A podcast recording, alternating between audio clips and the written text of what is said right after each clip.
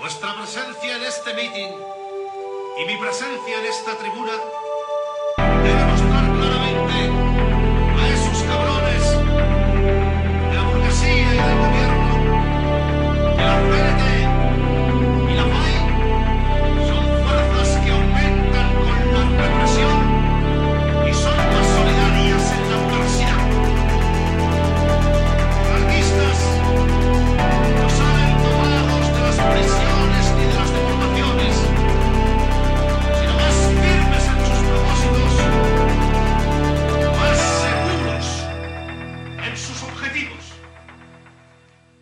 Hej och välkomna till ännu ett avsnitt av Info Podcast. Och eh, den här gången kommer vi köra ett kravallsamtal.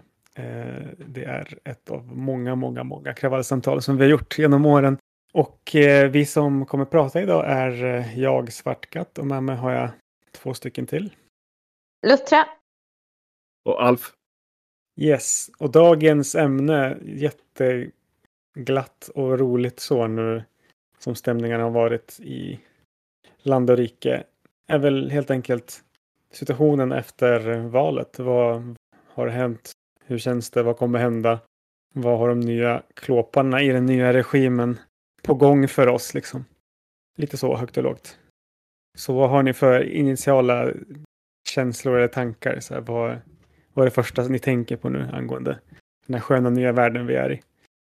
Om jag ska ta första tanken mm så tänker jag att eh, som vi pratat lite om att ja, men skeppet kommer sjunka lite snabbare.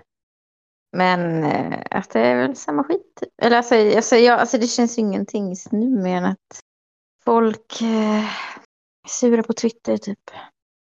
Mm, jag såg någon som skrev eh, jag vill bara först påpeka att ja, det är jättemycket som är allvarligt och skitdåligt och kommer drabba människor i det här. Och det är jag 100% med på. Men eh, just sätten på vilket det här eh, har eh, bemötts har varit lite så här frustrerande till och från.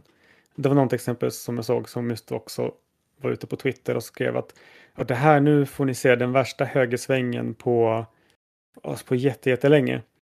Och jag tänkte säga att det, det har inte svängt överhuvudtaget. Det är ju bara hastigheten som ändrats, ärligt talat. För det är ju, allt det här är ju bara meddraget i sin spets, det som den förra regeringen hållit på med och som har liksom hänt i samhället under en ganska lång tid. Så att, eh, ja, det är väl min känsla också. Det är ingen riktningsskiftning, utan det är snarare en acceleration åt samma håll i stor utsträckning i alla fall. Mm. Nej, men jag håller med. Det känns ju, det har ju blivit ännu svårare tycker jag att liksom hitta någon slags eh, inspiration och hänga med liksom i ska man säga, den allmänna politiska debatten. För det känns ju som att Nej, men jag tror att det är det du var inne på lite Svartkatt också. Att det blir på något sätt det här politiska spelet liksom blir ännu mer liksom ett spel på något sätt. Och det blir eh, ja, men de här dribblingarna och man ska bilda regeringar och i vilka konstellationer och hur man uttrycker sig. Alltså det blir så här. Nej, jag har svårare att orka lyssna liksom. Så känner jag. Det blir liksom så. Hitta intresse för att följa med eh, är svårare tycker jag. För att jag är så förbannad. Typ. Mm, för att vara väldigt pedagogiska kan jag liksom säga det ifall någon har bott under en sten att vi har ny regering med heter han, Christer Ulfsson, Ulf Kristersson, något sånt. Moderaterna, KD, Liberalerna heter de väl, eller? Vilka är det? Har jag inte hört talas om. Och eh, Sverigedemokraterna. Där Sverigedemokraterna inte ingår i regeringen men i princip har allt annat. De har insyn i och eh, inverkan på regeringsarbetet. De har något slags samordningskansli. De är i princip med utan att ha ministrar helt enkelt. Så det är en jäkligt bisarr situation också. Men hur funkar alltså? Jag har ju läst om det där eller hört om det där. Hur, hur är det tänkt att det där ska funka rent praktiskt? Alltså de ska Ska de liksom så här ha åsikter om saker och ting? Eller har de liksom, ska de vara med och bestämma om vissa grejer? Eller? Ja, som jag förstår det så är det så. De är tekniskt sett inte med i regeringen, men vad de inte har är ju ministrar. Annars så har de insyn och inverkan på politiken som, som ska föras. För att annars måste ju den här regeringen alltid söka stödet ändå, för att den har inte en majoritet.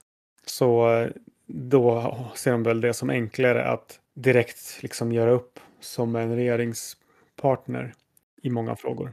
Så de har någon slags shady kabinett. Eh, eh, plats liksom i, någonstans i regeringsbyggnaden där liksom SD har sitt. Ja, de kallar det för samordningskansli tror jag. Och det är, det är som, så vitt jag förstår det så är det helt nytt. Det har aldrig förut Mm. förekommit att det, man har kört på det sättet. Så det är i princip i praktiken med i regeringen förutom ministrarna kan man säga. Det måste ju vara ett guldläge egentligen kanske. Ja, precis. Jag tror att det är ett bra läge för alla parter av de parterna för att SD kan på något sätt, de har inverkan på politiken, men när allt går åt helvete så kan de ändå bara skylla ifrån sig för vi sitter inte i regeringen. Medan de andra kan säga, men vi har inte SD i regeringen, vi har inte låtit dem vara med. Eh, samtidigt som de ändå är helt beroende av dem och låtit politiken helt genomsyras eh, av SD. Så är det väl, eh, min bedömning. Ja, och, och sen om fyra år då kan SD säga så här, ja men då kan de liksom ha, dra det här kortet att ja men om vi bara hade fått mer inflytande då hade det blivit bättre så nu ska vi få ännu mer inflytande så då blir det ännu bättre. Precis, det, och fyra år senare så, äh, så blir det att ja, men om Jimmy Åkesson är en väldig härskare så kommer allt bli mycket bättre. Så. Ja. Och det är de sista fyra åren. Där. Sen kommer det inte vara några fler val. Sen har vi ju smugit tillbaka Kent Ekeroth också. Ja, har de gjort det? Vad, vad har han eh, hamnat i? Han har blivit landstingspolitiker i eller regionspolitiker i Dalarna. alltså, Var det inte han som också inte var... Han plötsligt skrev sig någonstans för att kunna vara det också? jo, precis, i Rättvik. Han, han var ju inte alls därifrån och har jag aldrig jobbat med de frågorna. Typ. Just det, var inte han som snuvade den eh, posten från någon annan från SD som hade suttit där länge? Jo, jo, alltså, de, hon, det var ju, precis, det var ju någon, någon Ja. SD-kvinna som var invald. Men då var det någon annan SD-snubbe som var då hö- högre höns, liksom, som petade bort henne och plockade in Ekeroth istället för att han tyckte att Ekeroth skulle vara mycket bättre. Eller något. Eh, så. Men nu har jag läst att den snubben, han heter Hell i efternamn. Och det är inget skämt, han heter Hell. SD Hell. Eh, har blivit petad från partiet. För han har betett sig olämpligt mot någon kvinna i partiet. Nej. Så nu är han inte med längre.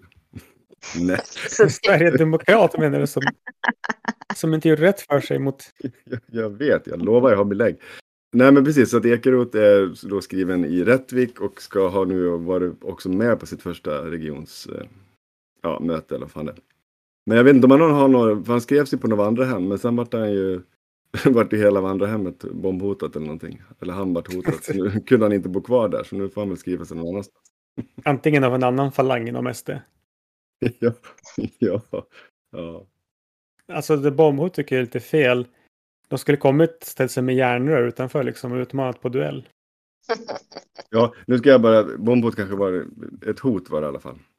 Av något slag som var riktat till honom. Så att han kände att han inte kunde bo kvar där. Men järnrör är ju passande. Ja. Och ehm, de här, eh, vad ska vi kalla dem, regimen har ju kommit överens om något slags avtal. Tidöavtalet heter det va? Som är deras liksom så här lanseringsdokument. Eh, har ni tittat någonting på det här? Mm. Jag scrollade. nej, jag vet inte. mycket. Jag har sett någon lista typ på massa reformeringsgrejer, men det kanske inte är det. Ja, men det är väl den. Ja, det är det. Ja, det ja, har väl gjort sammandrag av den snäva dokument som jag vet inte hur många sidor där de sammanställer liksom huvuddragen i den ge- gemensamma politiken. Mm. Och det är liksom, jag vet inte vilken ände man ska börja i. Det är ju i stora delar, och det här har ju folk sagt upp, alltså SD-folk är jätteglada. Även nazister har varit jätteglada över de här sakerna såklart, på Twitter och liknande. Men SD-folk är jätteglada för det här är tydligen nästan ord för ord från deras egna dokument. Både vad det gäller alltså det stora huvudfokuset som är helt enkelt hårdare tag och begränsa invandring till en nivå som i princip om de skulle få igenom allt bryter mot så här konventioner och grejer. Mm. Eh, och det är där de här klassiker, nu, numera klassikerna som bristande vandel och sånt eh, förekommer. Jag vet inte ens hur det uttalas. Det är liksom så här, fan 1800-talet ringde och vill ha tillbaka sitt jävla ordförråd. Liksom. Vad, vad är det ens? Men det är eh, ett, ett, ett av många sätt helt enkelt på vilket man ska kunna utvisa folk ur landet eller se till så att de inte kommer in från första början. Som i stora drag kommer från SD. Sen så har ju folk, som en parentes, vissa är ju så här på något sätt så här äh, förnärmade. Alltså, oj, titta vad långt rasismen har gått. Moderaterna har svi, eller liksom, hur kan ni göra så här? Vadå, som om Moderaterna någonsin har brytt sig om att Alltså, det har varit ett ganska rasistiskt parti alltid. Och sen är det bara, kan man slå mynt av det eller inte? Kan man inte göra det, då, då kanske det ligger lite och puttrar liksom.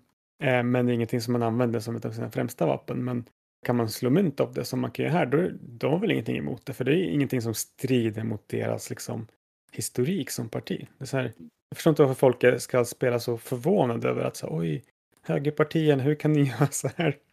Och sen var det väl någonting med snuten, vad var det, de visitationszoner, var det inte mycket så här Danmark? Inspirerat. Ja, men precis, tack. Alltså inspirerat från den här eh, grejen som man, sen, sen vet inte jag i vilken utsträckning man har genomfört i Danmark eller hur bra det har gått utifrån varför man genomför det. Men just visitationszoner har jag för mig läst i, i det här avtalet. Mm, och det har väl att göra med att man pekar ut ett antal områden. Man kan tänka sig att det här överlappar med de här eh, särskilt utsatta områdena eller vad mm. de nu kallas.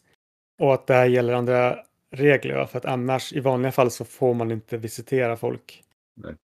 hur som helst. Utan det måste finnas misstanke om brott eller? Mm. Det är lite motsvarande en husrannsakan så du kan inte bara gå in. Mm.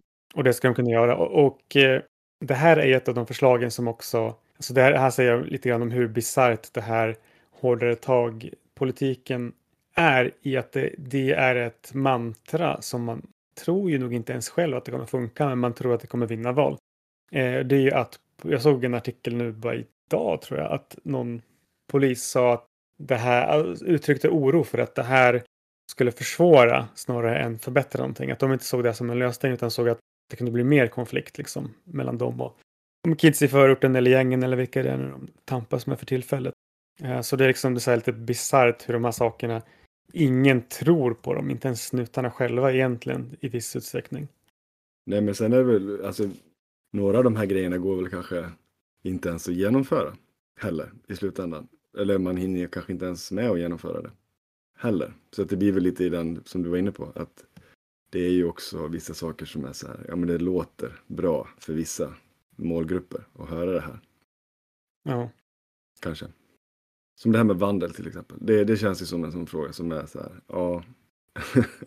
det finns ju mycket där som kan bli problem när man ska börja genomföra sådana grejer, tänker jag. Ja, för det uttrycket, det är bristande vandel. Vad handlar det om? Att man har egentligen karaktärsdrag eller beteenden som anses olämpliga? Är, är det ja. så? Liksom? Ja, så ska man, det är en bra sammanfattning skulle jag säga. Som jag, så. Och det är liksom lite, ja, lustigt för att här, bryt, här bryter ju den här nej, alltså kulturrasism-grejen på något sätt ihop. För att på ett sätt försöker vissa hävda att nej men vadå, vi, vi är inte rasister, men vi är bara emot så dåliga kulturella inslag i olika kulturer. Sen råkar de här kulturerna bara vara dåliga och därför måste vi göra så här mot dem. Men i det här fallet så är det ju, det här ska ju riktas mot invandrare, flyktingar, migranter, folk som inte har, och som kanske till och med har permanenta uppehållstillstånd, kanske till och med har medborgarskap men inte är eh, etniskt svenska. Och mm. etniska svenskar kan det ju inte utvisa på grund av bristande vandel. Utan det är ju bara andra då. Lite frågan är inte var gränsen kan dras, men det är, någonstans där är den ju. Så då handlar det om att det är en ribba som gäller för vissa, en som gäller för andra. Och det är tydligt att det är liksom baserat på etnicitet. Och det, är ju, det, är ju dr det här är ju drömmar som går i uppfyllelse, i, i alla fall på papper, för så här SD och mm. de mer uttalade nazisterna. Ja, nej men precis. Ja, men som, nu ska jag inte låta sådär att ja, men det här går inte att genomföra, men jag tänker det mer som att om man skulle försöka genomföra det här i dagsläget då skulle man nog liksom åka på jävla mycket kritik och motstånd liksom så. Eh, men låt säga tio år framåt i tiden, eller något sånt, i ett längre perspektiv. Mm. Så har man ju startat en process i och med den här liksom, eh, med det här resonemanget som om det sen börjar genomföras så är det såklart att de som då eventuellt först skulle liksom utvisas på grund av bristande vandel, det är ju de liksom säkra korten om man då är den här bruna regeringen. Alltså man tar ju de korten då som man kanske, personerna som man vet, ja men här får vi minst kritik nu. Men sen om fortsätter man den här processen så har vi ju ett helt annat läge längre fram. Det man kan ta i lite hårdare med vilka man skickar ut och varför, tänker jag. Mm. Om det är ett sätt att flytta liksom målstolparna eller vad ska man säga, flytta gränserna för själva diskussionen. Det, mm. det är lite så, det är som att liksom, det är som att du är en inte, så bergsklättrare och du liksom slår i en kil på ett ställe och du kanske klättrar en bit till innan du har nytta av den, liksom, men sen så använder du av den. Och det här där flyttar ju så att en del av deras andra politik ser mer mainstream ut. Du liksom testar en ny extrem för att kunna flytta vad som faktiskt accepteras som Mm. diskuterbart eller genomförbart. Liksom, så att, absolut. Har några mer eh, synpunkter eller observationer på Tidöavtalet och vad som finns i de här nya grejerna? Nej, men det som många har lyft fram och som kanske glider in på en annan fråga, det är ju det här med bristen på liksom miljö och klimat och ekologiska liksom, perspektiv, politik. Som nu är helt eh, går in i ett annat läge. Sen ska jag, jag verkligen säga att och, och, alltså den här SOS-regeringen och deras politik med vi älskar gruvor och eh, vi, all teknik kommer att rädda oss i, all, i, i framtiden och eh, ja, allt vad det nu är eh, batterier och, och, allt vad man ska förlita sig på. Det är ju verkligen, jag är en väldigt stor kritiker av det. Så. Men nu, nu liksom går ju det här in i en helt ny nivå då, när man typ så här tar bort saker också och börjar snacka om att vi ska bygga kärnkraftverk. Och, har jag för mig. Att det, står inte det med också i det där? Eller någon slags kärnkraftvänlig punkt. Det är väl deras enda miljögrej egentligen. Bygga kärnkraftverk. Mm.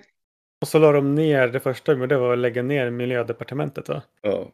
Ja, Och eh, utse LUF, eh, Liberala ungdomsförbundets ledare, till eh, miljöminister. Vilket är så här, det är ingenting som säger att någon som är äldre är bättre på något sätt. Liksom. Jag tänker inte så, men från, alltså, från etablissemangets sida så skickar jag ändå signaler när du Mm. utser en 26-åring till minister. Det är ganska tydligt att liksom, de här sakerna kommer ju inte att ha speciellt stor eh, tyngdpunkt. Det är, det är liksom inte en så etablerad eh, erfaren minister eller liksom person som de använder till, till andra poster. Jo, men jag förstår vad du är inne på. Och det blir lite som att man tar ju heller ingen person som kanske kommer med någon så här tung cred från en rörelse. Liksom. Så att det här är en person som verkligen har eh, kunskap och erfarenhet i, i, liksom, i en fråga i en rörelse som är väl ansedd eller någonting. Utan det blir lite som, som, de, som det känns som man ofta gör med så här, kulturministrar. Så här, man, man slänger in någon som är lite, så här, blir lite yr. Liksom. Så här, ja, men nu ska vi, kultur är bra. det, det gillar jag, jag har läst böcker. Men den här eh, Uff, eller, Uff, hon som var eh, ordförande för eh, Liberala ungdomsförbundet och som nu är minister för något slags miljö, miljöfrågor. Hon var ju också den eh, Alltså man har, ju, som jag, man har ju kidnappat henne lite grann, tänker jag också. För att hon var ju väldigt kritisk. Hon var ju liksom redan dagarna efter valet så gick ju hon ut och sa att hon aldrig någonsin tänker stödja en regering som SD är med i. För att hon var ju också inröstad i riksdagen. Och hon var ju skrev någon text eller vad som var väldigt så här, tydligt öppet kritiskt. Att det här, är- det här är skit liksom. Och sen så var det jättetyst. Och sen helt plötsligt så dyker hon upp som minister. Mm. Ja, men det säger ju någonting om luft. De är ju sådana. Nej, jag tänker inte göra det här och det här. Men om ni lockar med en ministerpost, klart jag kommer. Kom igen, Mm. vad vill ni? Med mina stora stövlar på. Mm. Ja men hela liber Liberalerna. Men det känns ju så mycket politiker och politik över det. Gör det inte det? Alltså om man med politik menar det de håller på att syssla med där liksom. Mm. Att eh, du har den här eh, nästan förnärmade ställningstagandet och sen går det ändå att förhandla bort plötsligt så Ja. här fick du ministerposten då kan du kompromissa bort och göra precis tvärtom mot vad du sa tidigare. Mm. Sen så var det intressant att LUF, Liberala ungdomsförbundet i sig, de gick ut och sa att man borde rösta ner den här nya Kristersson-regeringen. Så de gick ju emot sitt eget liksom Mm. parti, vilket i och för sig de gick emot det som blev partiets linje, Mm. vilket i sin tur också var resultatet av Johan Persson och några få där uppe i toppen som Mm. i, i vissa fall, många i partiet verkar tycka att de blev överkörda av saker som inte skulle kunna vara förhandlingsbara eller åtminstone skulle behöva förankras mycket mer i partiet. Inte gjordes det utan att det, det gick över huvudet på många. Liksom så på varje nivå så känns det som att det har gått över huvudet på folk och Liberala ungdomsförbundet är i, liksom, i uppror, vilket är liksom, det väl lite tragikomik där också.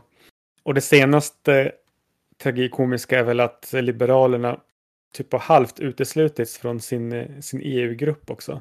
Ja. Den liberala EU-gruppen har ju sagt att tills vidare så, så bjuds inte Liberalerna in Mm. till mötena för att de, de liksom samregerar i princip med Sverigedemokraterna.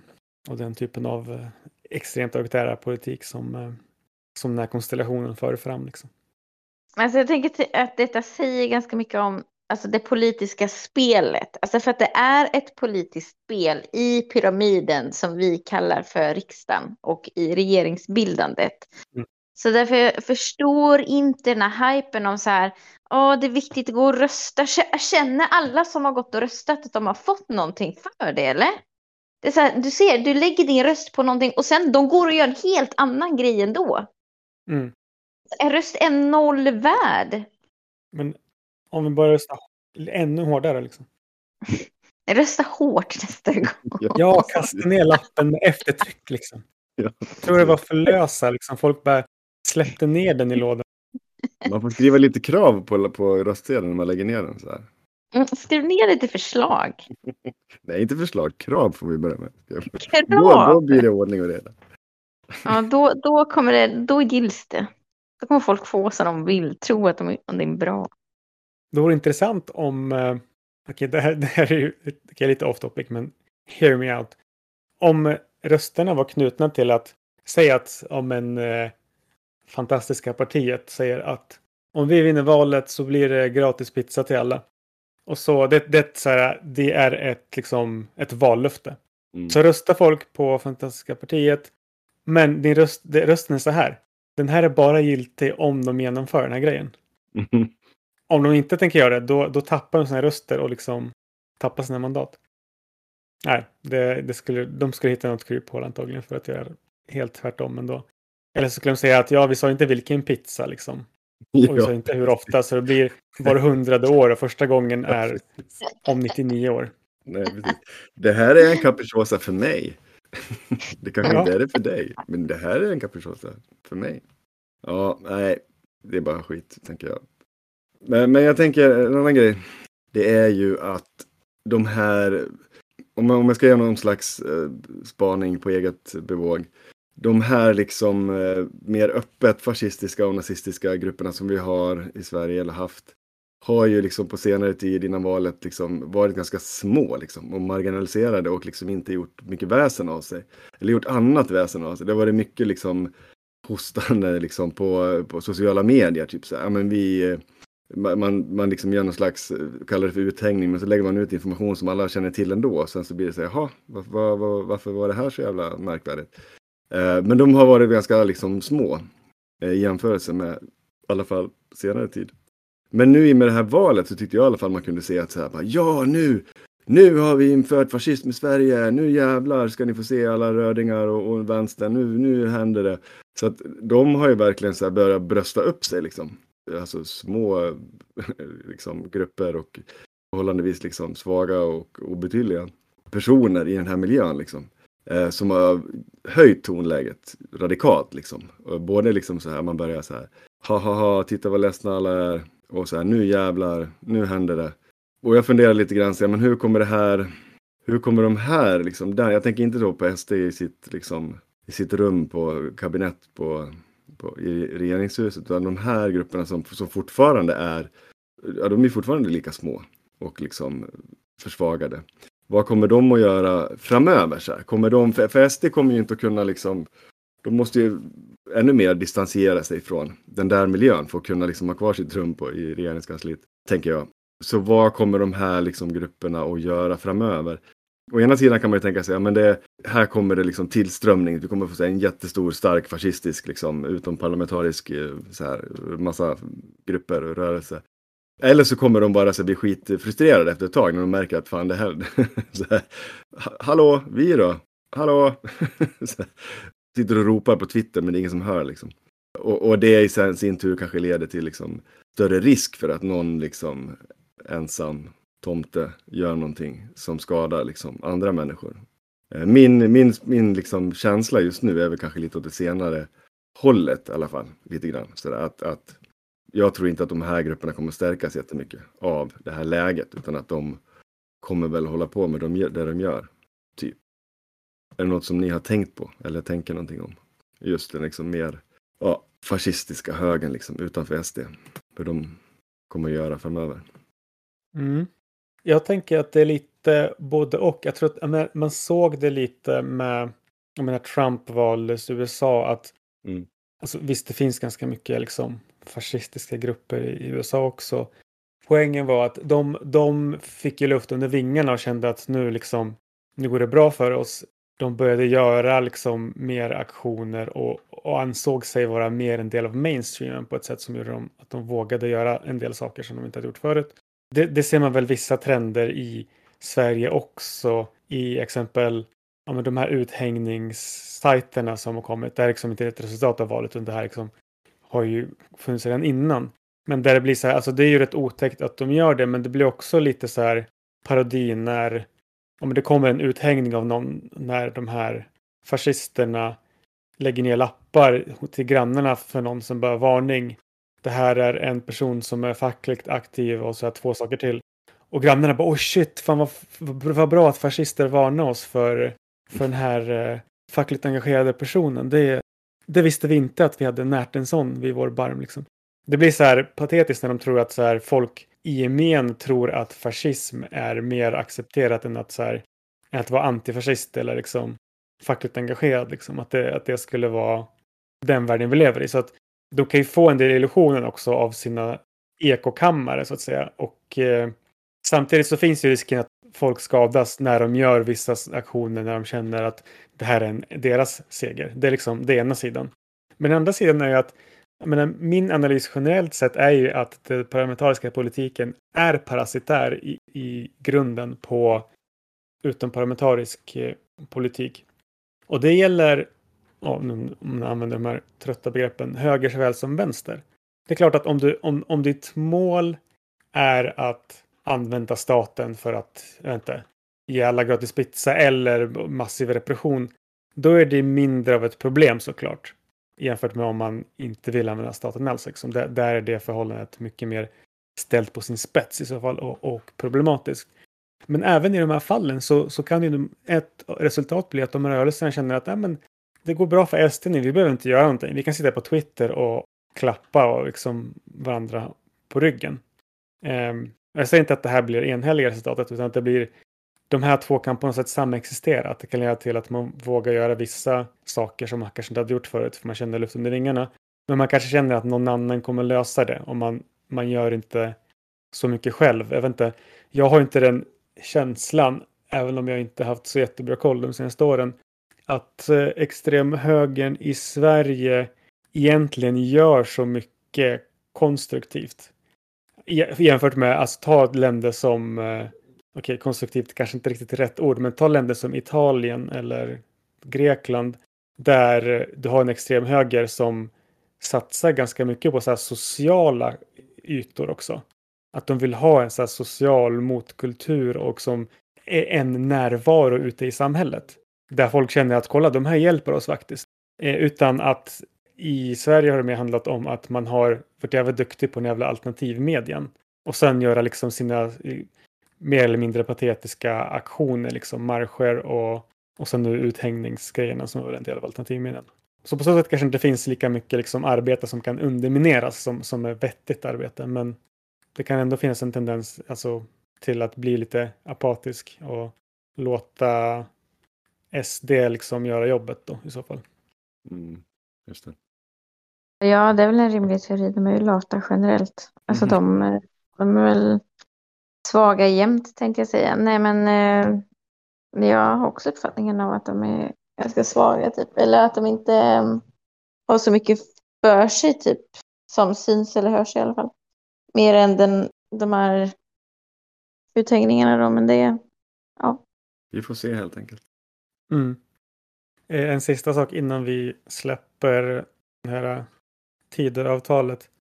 Jag fiskade upp det här eh, någonstans också att Timbro hade ju gått ut och sagt eller då, generellt sett är de jättenöjda. Det är, så här, det är talande att Timbro hade gått ut och skrytit med hur många i den nya regeringen som har typ gått kurser eller varit så här, typ talare på Timbro-grejer. Och det är så här, ja, man vet ju vems regering det här är liksom.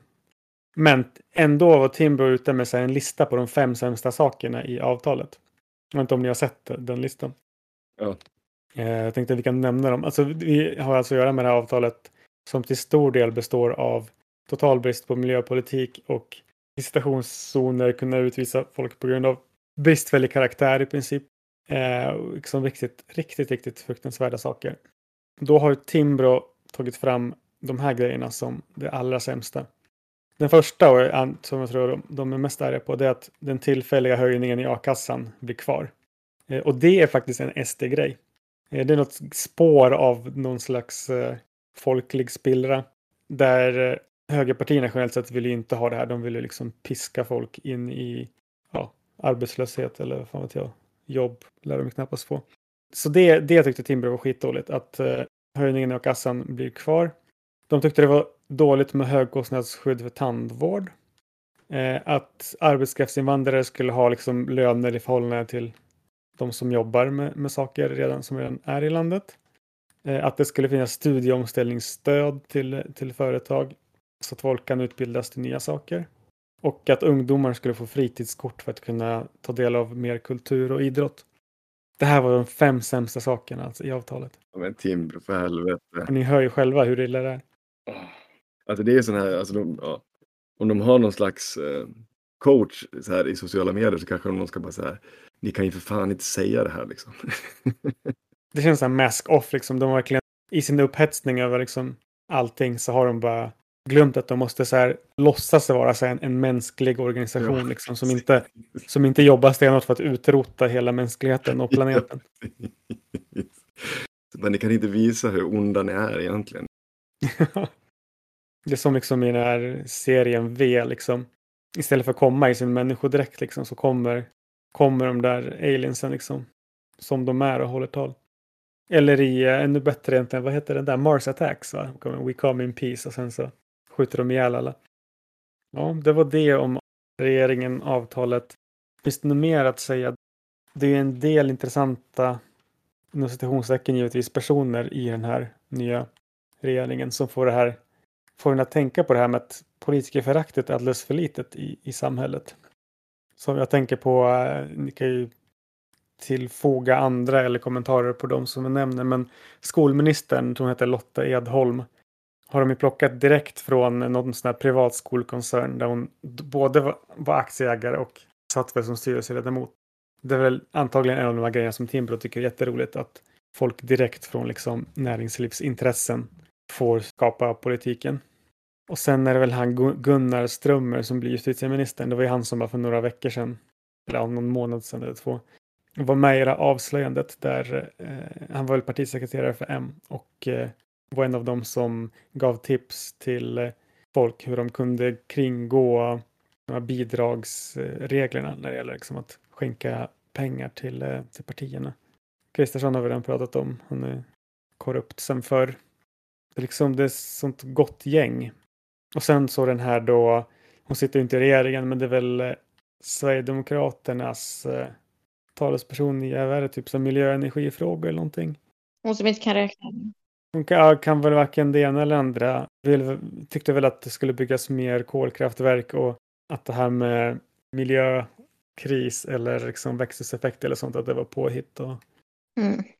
Det är ändå skönt att de säger det liksom, tänker jag på ett sätt. Att, att de är så jävla korkade så att de säger sådana saker. Ja, precis. Och för å andra sidan har vi de här andra som är så här, oj, ja, det är klart, det är jättefarligt. Och sen gör de ingenting. Eller ingenting, ingenting är smickrande. De är så här, oj, det är så dåligt med växthuseffekten, eh, eh, miljökrisen, oj, vi måste göra saker. Ja, förresten, Cementa gick tillståndet ut. Ja, men här får ni ett nytt. Mm. De här är mer så här, ja, ja, det är klart. Det är klart vi gör så här. Vi skiter det finns ingen miljö. Ja, jag blir så trött. Det känns som att det kommer vara mycket oj i den här eh, regeringen. Hoppsan. Hoppsan. Oj då. Nämen. mm. Och det är svårt att se hur så här, folk i, generellt så här, ska få det bättre med det här. Så här, vi skiter i alla problem, hårdare tag, kanske någon skattesänkning. Jag vet inte om de, det finns ju från deras perspektiv då en, en risk att förivra sig att man glömmer bort att du kan inte bara gynna de allra rikaste. Utan du måste kasta liksom någon slags, någon slags ben till, till så här medelklassen för att kunna säkra liksom bröstunderlaget. Och det undrar om man inte kanske kan förivra sig lite. Kom ihåg, redan innan det här så var Sverige det land i typ, i alla fall det var nog i hela västvärlden där klyftorna växte snabbast. Och eh, när det gäller, eh, gud jag blandar alltihop ifall det är inkomst eller förmögenhet. Det är väl förmögenhet som Sverige gick om eh, Ryssland och toppade listan bland de industrialiserade länder eh, i eh, förmögenhetsskillnader. Och förbi USA då också, att det fanns det fler, det finns fler liksom så här dollarmiljardärer per capita eller miljonärer eller vilken kategori det ännu är. Och nu får vi en regering som alltså börjar titta på det här och tänker bra och så accelererar den kursen. Mm. Så man undrar hur, hur kommer det här kunna leda till annat än total kalabalik om några år? Ja, vad ska vi göra till dess då? jag säga. Nej, men vad, hur ska man eh, orka, orka leva? Jag säga. Men hur ska man, eh, vad kan man göra nu då? Tänker vi. Vi har redan nämnt rösta hårdare. mm, med kraft. Ja. ja, just det. Dölj din bristande vandel. Väv. ja. Hade vi slut på ministrar eller? Det var de, sen är det ju, vi redan nämnt att luftledaren sålde sig själv. Eh, Just det. Allt det hon stod för, för att få bli miljöminister utan miljödepartement. Mm. Jag hoppas det var värt det. Är hon med från Moderaterna? Hon från typ Livets Ord eller vad hon har varit med i, Pro-Life eller någonting. Elisabeth. Ja, exakt. Hon är ju med. Hon är ju, vad heter det, hon har ju cashen. Vad heter det? En vice statsminister eller? Nej, det är Bush. Fan vilket jävla gäng alltså. Det... Vad, vad ska hon göra? Hon är vice statsminister. Finansminister så heter det. Ja, näring... alltså, okej, okay, så hon blev näringsminister och så blev eh, Bush vice statsminister. Svantesson är finansminister och Bush är vice statsminister och någonting mer va? Var det det du sa? Hon är någonting mer också tror jag. Jag minns inte. Jävlig, men... Eh... och sen har jag faktiskt ingen aning om, det kanske, vad, vad, vad, är, vad är han? Eh, Liberalerna. Han har väl fan inte fått någon roll. Jo, han är, han är med. Jag vet bara inte vad. Har han fått en ministerpost? Ja, såklart. Han är i och för sig partiledare också. Något, eh, det är väl den där de fick för att eh, lägga sig som en matta liksom. de alla sålde ut mig. Undrar hur det känns att vara den nya regeringens dörrmatta. Mm. Jag tycker man ser det. Alltså, när jag kollade på de här bilderna såg man inte att eh, Åkesson, Kristersson och Bush var ju alla så här glada. Persson såg verkligen mm. ut som att han var verkligen, han, han, han var ju tom i blicken liksom. Ja, tom i själen. Ja. Också. Ja, men han är ju dörrmatta nu. Ja. Alla kommer med sina stövlar och torkar av sig på Liberalerna. Mm. Ja, så det finns säkert mer stjärnor i uh, regeringen. Ja, det var bara några höjdpunkter som jag kom att tänka på. Liksom. Mm. Jo, han är, nu har jag, jag har kollat upp Persson, han är arbetsmarknad och integrationsminister. Mm.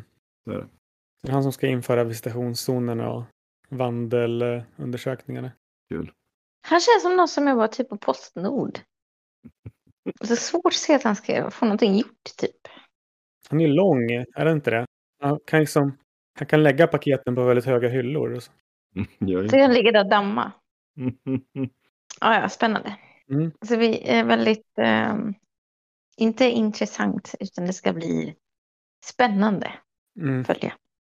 För att knyta tillbaka till Alfs fråga tidigare, vad, vad kan man göra? Mm. Ja, göra, det är liksom hur man tänker kring det här. Jag har ju stört mig lite grann just på det här med att väldigt många verkar ju ta på sig den här, för det, vad, vad vi har att göra med är ju en valförlust för den gamla regeringen och en valvinst för den här nya, nya konstellationen. Och många verkar ta på sig den förlusten som sin egen på något sätt. Och det tycker jag liksom är problematiskt för att speciellt om man vill bedriva någon slags politik i vardagen som kan göra en konkret skillnad så var det inte jättemycket som var bra. Alltså det finns inte jättemycket att sörja med att det gamla alternativet har fallit. Det nya är såklart sämre. Men det är inte en stor riktningsförändring utan det är en hastighetsförändring. Eh, så jag tror det första är att man får komma ut lite grann ur den här, vad ska man säga, paralysen av liksom valförlusten. För att det, det är inte våran valförlust. Det är någon annans. Och jag skrev ju om det här på vår blogg.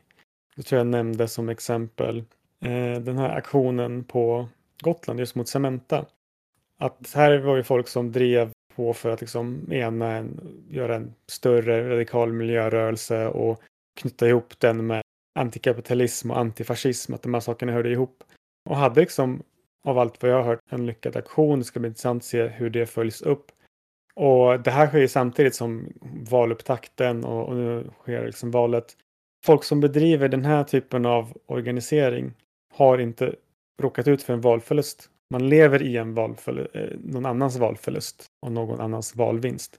Men att inte ta på sig den liksom, utan att analysera vad det är som händer. Hur förändras situationen? Ofta till det sämre, ibland kanske lite oförutseende till det bättre.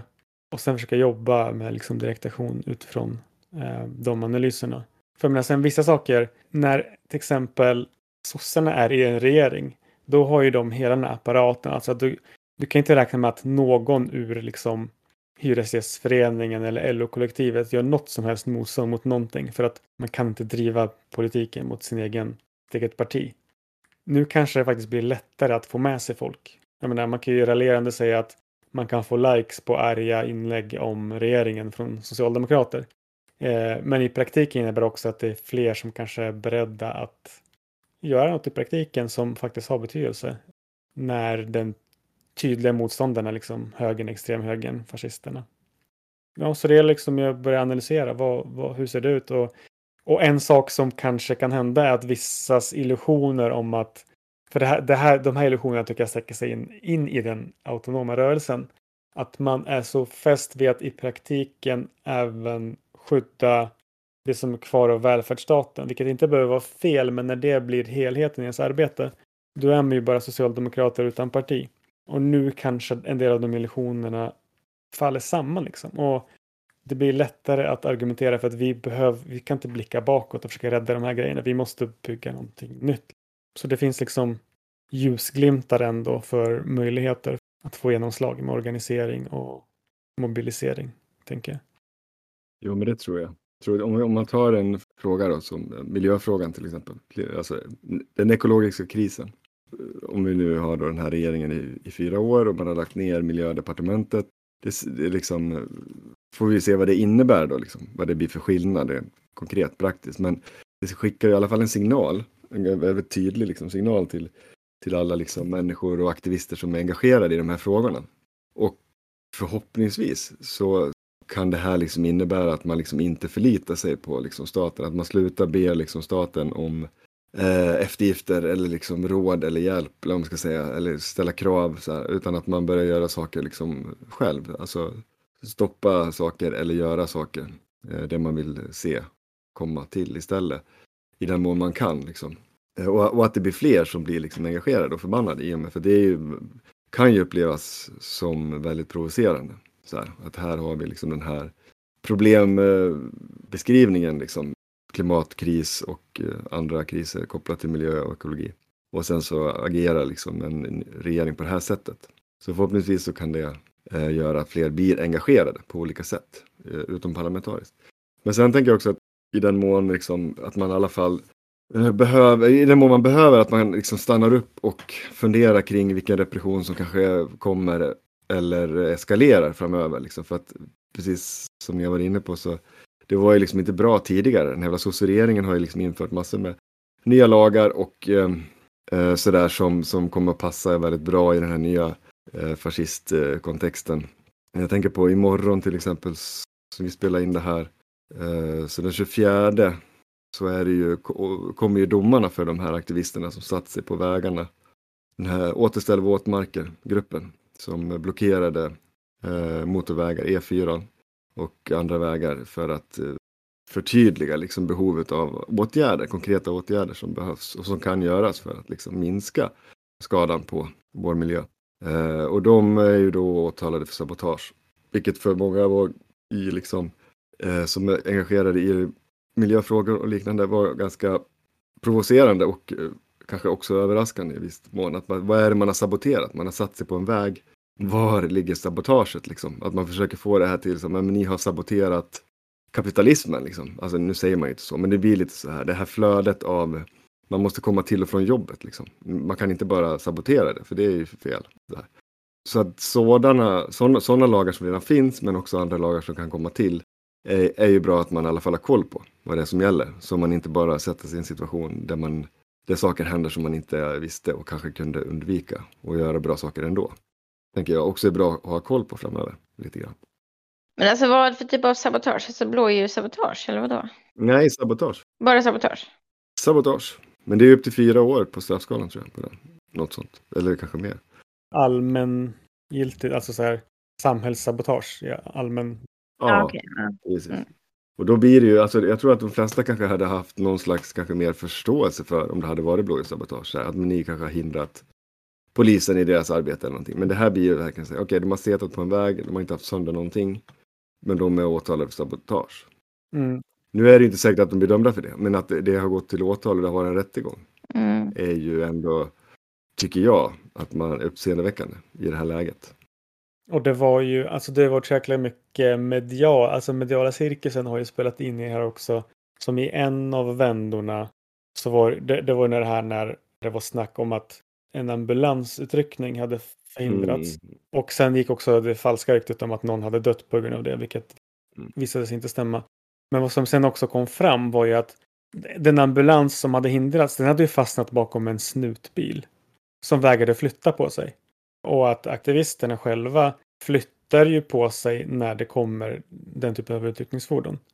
Eh, Och att även bilar, alltså att det, de kan ta sig fram. Det kanske inte går lika snabbt. Men det går inte heller lika snabbt när det är rusningstrafik i allmänhet. Så det är så här, ja, det har i alla fall blivit liksom tillspetsat på ett sätt som är liksom, som genomsyrar den här om en aggressiva, känslomässiga antireaktionen som Mm. mycket av sån här aktivism får. Eh, sen kan jag tycka att det, Mm. finns, det finns en viss rimlig kritik mot en del av den typen av aktioner där man tänker att aktionen är kanske lite för diffus och meddelandet kanske i vi- viss, vad som verkligen ska göras och av vem blir lite diffust. Där har ju en grupp som Återställd gjort, gjort liksom andra en tjänst att liksom bli den här testet. Hur kommer de här lagarna nu att tillämpas? Men det visar också på att alltså, vissa är inte i ett, en sån privilegierad situation att man kan ta och riskera fängelsestraff och att i den bemärkelsen som jag tycker är helt legitimt att bedriva sabotage av olika verksamheter som är skadliga för människor och djur och natur så är det helt rimligt att göra det på ett sätt där man inte citationstecken tar sitt straff. För det finns ingen vits med att ta sitt straff. Det är, man vill ju göra största möjliga åverkan med minsta möjliga negativa konsekvenser för en själv och för alla andra. Och det, där blir frågan då, utan att säga att de här aktionerna är aldrig bra, så kan man ändå säga med vilka sätt kan man agera på i, inte bara miljöfrågor, utan i allt från liksom antikapitalism, antifascism och allt annat som behöver göras. Vilka sätt kan vi agera på för att minimera de här riskerna också? Inte kanske ta onödiga risker på ett sätt som, mång- som skulle utesluta många eller göra att de istället hamnar i, i, eh, i fängelse eller liksom i andra sammanhang där de ja, både lider och på ett personligt plan men också inte gör så stor nytta för förändring och rörelse och så. Ja, men jag håller med mycket det du säger. Jag tänker att om man ska ta koppla det här till det, det vi pratade om innan så kan man väl ta den här liksom sabotageåtalet som någon slags språngbräda in i den tiden vi kommer i nu. Så här, okej, så här att det kanske inte i vissa lägen är att den här regeringen kommer att se så fördelaktigt på aktivister, alltså utomparlamentariska aktivister. Och då är det bra att ha koll på vilka lagar som finns och hur de används och vilka nya lagförslag som gäller eller läggs för att bara inte att hamna i en jävligt jobbig situation. Eh, för min gissning är liksom att det är, ja, tonläget är som det är och det finns, eh, man tycker jävligt illa om aktivister helt enkelt i de här frågorna. Jag menar, Kristersson är ju redan på väg ner till att träffa Erdogan och eh, jag har svårt att se att han inte gärna, han mer än gärna liksom lägger på fler folk på den listan till de som Erdogan vill ha utlämnade också. Så att det finns ju viktigt jobb att göra i liksom solidaritetsrörelser kring människor som blir eh, väldigt utsatta av politik som nu kommer att föras. Alltså jag tänker på grupper som, eh, vad heter de? Ingen illegal. Ingen människa är illegal. Tack. Sådana grupper, behovet för liksom den typen av verksamhet tror jag kommer att bli viktig. Mm. Nej, precis. Erdogan-frågan är ju ett typexempel på sånt där liksom, det är ingen omsvängning har skett utan det är mer så här, vi ska vara mycket mer tillmötesgående men Mm. på samma sak. Du ska, du ska offra samma grupp för samma diktator men du är mycket villigare att göra det liksom på ett, Mm. på ett mer öppet sätt. Sen det där med aktivism tycker jag är intressant för att det är helt riktigt så att om man tänker på så här gatuaktivism så avskyr de det och de kommer försöka använda de här verktygen och, och, och tillföra nya för att eh, angripa den. Men själva aktivismbegreppet fyller också en bredare roll i den här högern och extremhögern, vilket också det finns paralleller till, till till exempel USA. Ni vet alla de här typ halvkonspirationsteorierna som, som, som om den djupa staten och, Mm. och man pratar om att så här, eh, men eh, allt från SVT till, till myndigheter styrs av aktivister och så här liksom. eh, Vilket blir så lite lustigt för att ofta handlar det om så att typ, inte socialdemokrater eller vad fan det är. ETC har ju fått massa skit nu de senaste Ja, men precis. Man vill bredda ak- aktivismbegreppet och prata om att det finns aktivister i myndigheterna eh, och liksom göra ak- aktivist till en så här, ett glåpord. Att det liksom det är den stora utmaningen på det planet. Som man pratar om kanske gängkriminalitet eller invandringen så blir aktivisten med stort A liksom problemet. Mm. Och det funkar speciellt bra i en situation där högerextrema populister är vid makten men ska låtsas som att de fortfarande är i opposition. För det är det som är grejen. Annars brukar man ju tänka att okej, men om trollen spricker i dagsljus så kanske liksom när de här får härja runt lite och folk märker hur dåligt det går så genomskådas bluffarna. Och det kan de mycket väl göra. Men motdraget då är ju att säga att nej, nej, nej, vi har förvisso den formella makten, men den djupa staten, eh, SVT och de här jävla aktivisterna i institutionerna och på gatan, de förstör allting så vi kan inte göra det vi vill göra. Mm. Det tror jag de kommer köra ganska hårt på framöver. Ja, det kan ju ja, passa bra liksom, för dem. Alltså jag tänkte säga någonting smart här, typ om eh, när vi pratar om eh, organisera, typ och förhålla oss till den nya tiden vi lever i. Men eh, så tappade jag bort mig och så blev jag störd av mitt barn som sitter och skriver lappar för att vi inte kan prata högt för att jag pratar med er. Men det, det är bra att du ändå sa att du skulle säga någonting smart. Det är ju nästan samma sak, tänker jag. Mm. Ja, Det är ju som att rösta svagt. Ja. Det får man liksom inte göra längre. Nej, men jag säger, eh, det jag tänkte på när vi pratade om eh, repression typ och det här med aktivister och, och att föra någon form av aktivism, att det är kanske en, bara en en ganska bra tid att analysera våran egen, vad ska vi säga, nej men varför vi är så passiva som vi är, men det har ju såklart med att göra med eh, repression man får och att vi, vi är en, en liten rörelse såklart. Men, eh, men jag tänker att som eh, Svartkatt sa att eh, det bästa är att typ blicka framåt.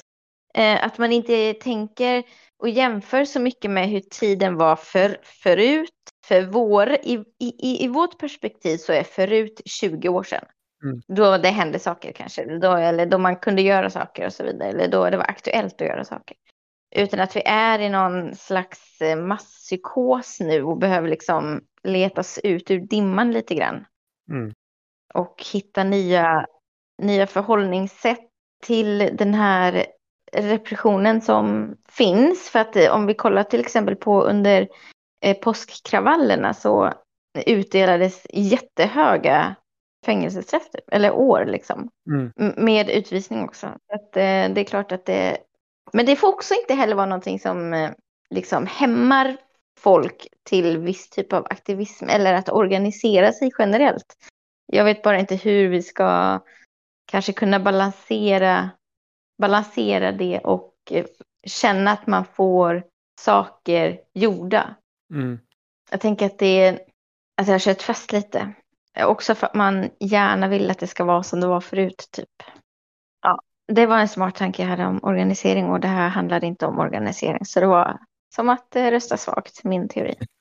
Nej men alltså, jag tänker så här, jag har ju redan eh, liksom hört och tycker mig sett så här, ja men det är att folk som liksom eh, trappar upp eller man ska säga, att, det- att det sker liksom Dels att man vill mer men sen också att det händer mer, alltså samarbeten som inte har varit tidigare har jag sett och liksom hur man, vad man vill. Eh, så. så att det här kan ju också göra att man eh, gör saker som man inte skulle gjort annars. Liksom. Att man säger nej men nu, nu kör vi. Liksom. Mm. Och eh, om inte annat så har en del röda trådar mellan sig med miljö, antifascism och antikapitalism blivit tydligare än tidigare. Vilket kan bidra till att föra samman folk och få fram nya idéer och praktiker som, som behövs för att möta de här utmaningarna. vi kanske kan nöja oss där. Jag tror jag har hållit igång ett bra tag. Ja. Har vi det? Det kanske vi har. Tiden går så himla fort. Ja, men också typ vi kanske, jag vet inte. Alltså nu vet inte jag, vi kanske kommer få jättemycket poddidéer fr- från ingenstans. Liksom det kanske bara trillar in grejer. Men annars kanske folk kan skriva vad de vill att vi ska prata om typ. Eller ta upp Ja, om någon har en superbra idé typ. mm, det är alltid kul att höra. Alltså inte som en Q&A typ, utan om någon har något topic typ, något eh, ämne som. Ja, men precis. Både förslag tänker jag vore uppskattat. Men också om någon har någon hjärtefråga som de själva kan lägga sig vilja vara med och prata om. Så, eller tips på någon som, som är bra på något som vi borde kontakta. Mm, Hör av er. Ja, mm, jag tänker det vore nice typ. Och alltså vi hade all frågor vad vi kan göra nu typ. Efter när, efter det här sjunkande skeppet som sjunker snabbt. Mm. Då tänker jag att man alltid ska organisera mera. mm, Och skjuta snut. Det finns ju alltid någonting som man känner att det här skulle jag vilja göra eller det här är mina hjärtefrågor. Så, ja, men bara leta upp en sån grupp typ. Det finns ju jättemånga grupper eller ja, det är ju bara till att söka typ. Det finns. mm. Jag tänker att det är bra i kalla tider att hitta någon slags varm gemenskap. Mm. Det är bra också när det är höga elpriser. Ja, eller Och det är en bra, bra tid också för att grupper har fått en uppsving och det brukar bli en uppsving just efter en sån här, vad ska man säga, traumatiserande situation. Och det är ett bra sätt att komma in för det kommer finnas andra nya och kanske kommer få lite större fokus på att ta emot nytt folk och tillsammans försöka skapa någonting nytt. Så nog ett eh, så bra tillfälle som någonsin att aktivera sig. Ja, det, det är bra eh, slutord. Eller hur? Organisera mera och skapa nytt. Nu ska vi tillbaks in i koman. Mm. Vi sjunker ner med, med skeppet. Mm. Måla om väggarna lite som sossarna gör antagligen. Utveckla min vandel. ja.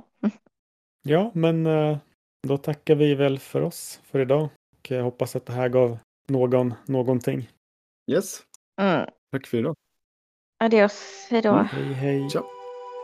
Vuestra presencia en este meeting y mi presencia en esta tribuna